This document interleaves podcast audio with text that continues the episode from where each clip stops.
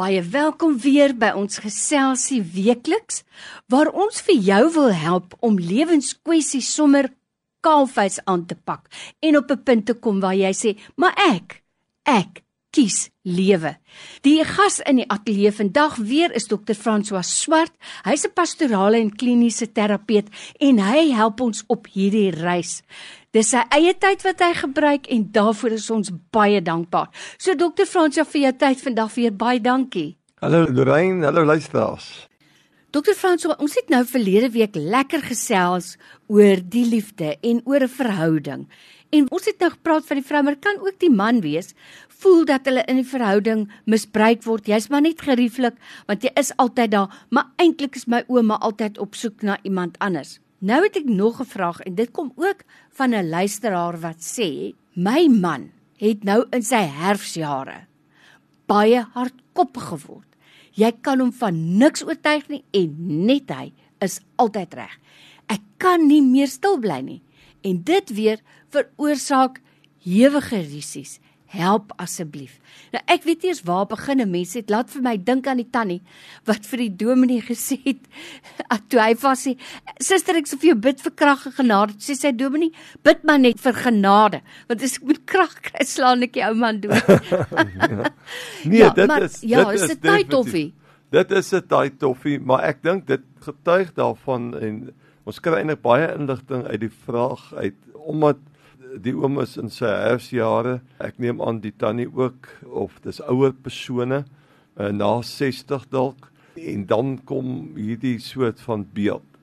Ek dink die eerste opmerking wat ek sou wil maak, wat wonderlik is van die vraag, is hierdie luisteraar, hierdie vrou is in kontak met haar eie gevoelens. Sy weet en sy besef iets is nie reg nie. Mm. Ek en my man, ons mis mekaar. Hy's geïrriteerd, hy's knorrig, Hy is soos 'n slang, hy pik net die heeltyd, hy skiet uit die heup uit, hy skree. Dit, dit is aanduidings, dit is simptome baie keer van diepe liggende goed. Nou daar's verskillende maniere hoe 'n mens werk met geriatrie ouderdom 60 en op. Want ons moet weet van 55 af is daar reuse dopamien skuwe in die brein wat plaasvind jy kan meer geagiteerd raak. Baie van ons senior mense, selfs die mans, hulle kyk na 'n program dan huil hulle sommer maklik. Hmm. Hulle het nie lekker beheer oor hulle gevoelens nie. Hulle raak baie maklik huilerig. Of aan die ander kant raak hulle baie aggressief en hulle hulle, hulle is ook uh veglustig en baie keer geïrriteerd. Daar kan seksuele frustrasies wees by die man binne in die in die verhouding wat nagegaan moet word en dan sien man uh, isie grimmig of wat ook al. Uh, dit kan wees dat die die man self nooit geleer het hoe om met respek met sy vrou om te gaan nie en om in liefde ook te reageer in situasies nie. En daarom hierdie bombasme het. Nou gewoonlik stuur ons sulke manne na psigiaters toe want hulle gaan kyk bietjie na die dopamien vlakke. Mm. Daar's medikasie wat hulle vir die manne gee wat bietjie help ook met hierdie plofbaarheid. Ons praat daarvan as plofbaarheid, 'n plofbare soort van gemoed. Psigoterapie is egter ook baie belangrik. Daar moet met hierdie man gepraat mm. word mm. oor sy kinderjare, daar moet 'n uh, beleining gedoen word. Het hy frustrasies binne sy verhouding met die lewe, met sy familie, by die werk? Uh, is hy bitter en verbitterd oor die verlede in sy lewe? Irriteer sy vrou hom? Het sy vrou 'n manier om die verkeerde knoppies te druk? Moet ons vir haar help dat sy beter verstaan? Ons weet van die 5 uh, liefdestale wat daar is ken sy haar man se liefdestale, ken hy haar liefdestale en weet hulle hoe om konflik te bedryf want daar is basiese reëls in konflikhantering. En bombasme en die manier hoe jy beklei, moet jy by die venster uitgooi. Mm. 'n Mens moet in volwassenheid ingaan en jy kan sonder om geïrriteerd te wees, kan jy nog steeds jou saak stel sonder om te blaf en om knorrig te wees. Maar baie keer is knorrigheid en, en sulke goed as 'n mens dit bietjie kan deurpraat, dit kan definieer name kan gee en en gereeld by terapie uitkom sodat 'n mens planne maak hoe om die frustrasies aan te spreek en na 6 weke net weer in te doen te sê gaan dit nou beter? Maar om die om elkeen van die goed wat triggers uh snelles dalk moontlik kan wees wat hom plofbaar maak dit moet uh, liefs deur 'n professionele persoon ondersoek word. Ek wil sê dis harde woorde hierdie maar hierdie vrou en luisteraar moet iets doen. Mm. jy word geboelie. Dis nie reg wat met jou gebeur nie. Jy word 'n slaansak vir emosionele uitbarstings van jou man.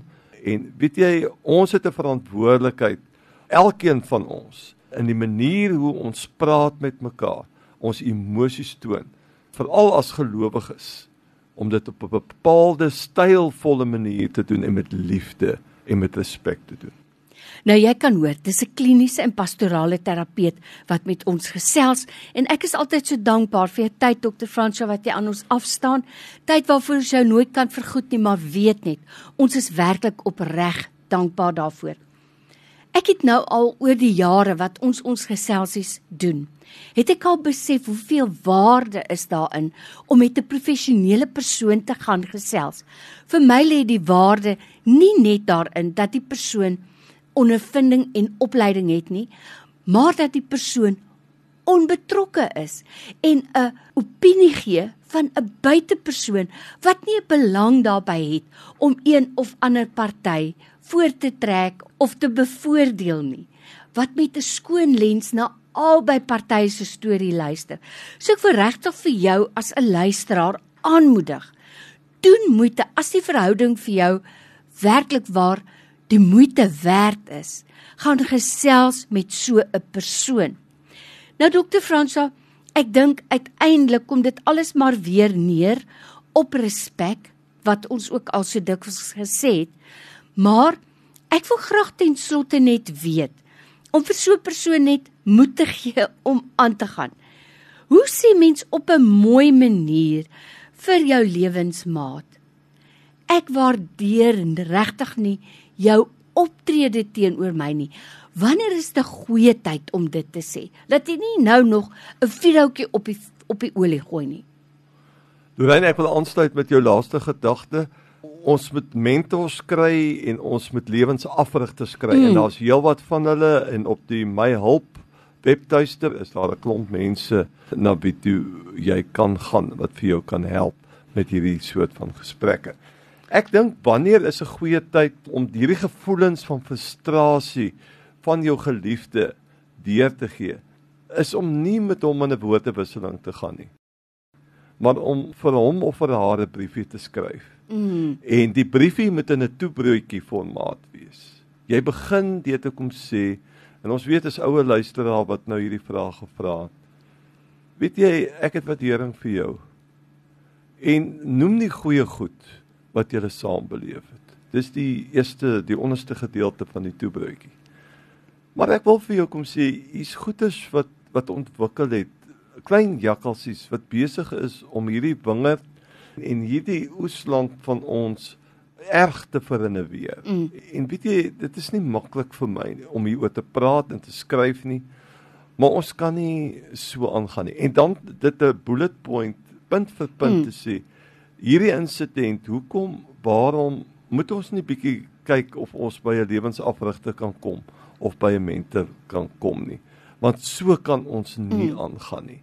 En dan met die toebreekie bo-op te sê, maar onthou, ek is saam met jou hier. Ek is nie hier om jou te veroordeel of te beoordeel nie. Ek wil net vra of ons nie kan werk na 'n aangenamer atmosfeer en 'n kwalitatiewe soort van verhouding nie. En daar is mense wat reg is om ons te help. En dan eh, is daar maniere. Baie keer wil die man in die samewerking gee nie. Hulle wil nie gaan vir terapie nie.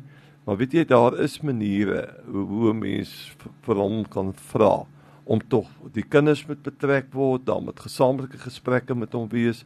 Dis nie net mamma wat jou so beleef mm. nie. Daar's ander mense wat jou ook so beleef en dan moet daar 'n bietjie fermer opgetree word. Maar daar is 'n weg uit jy hoef nie 'n slagoffer van hierdie omstandighede te wees nie. Gee vir my altyd hoop en ek hou daarvan dat ons positief afsluit.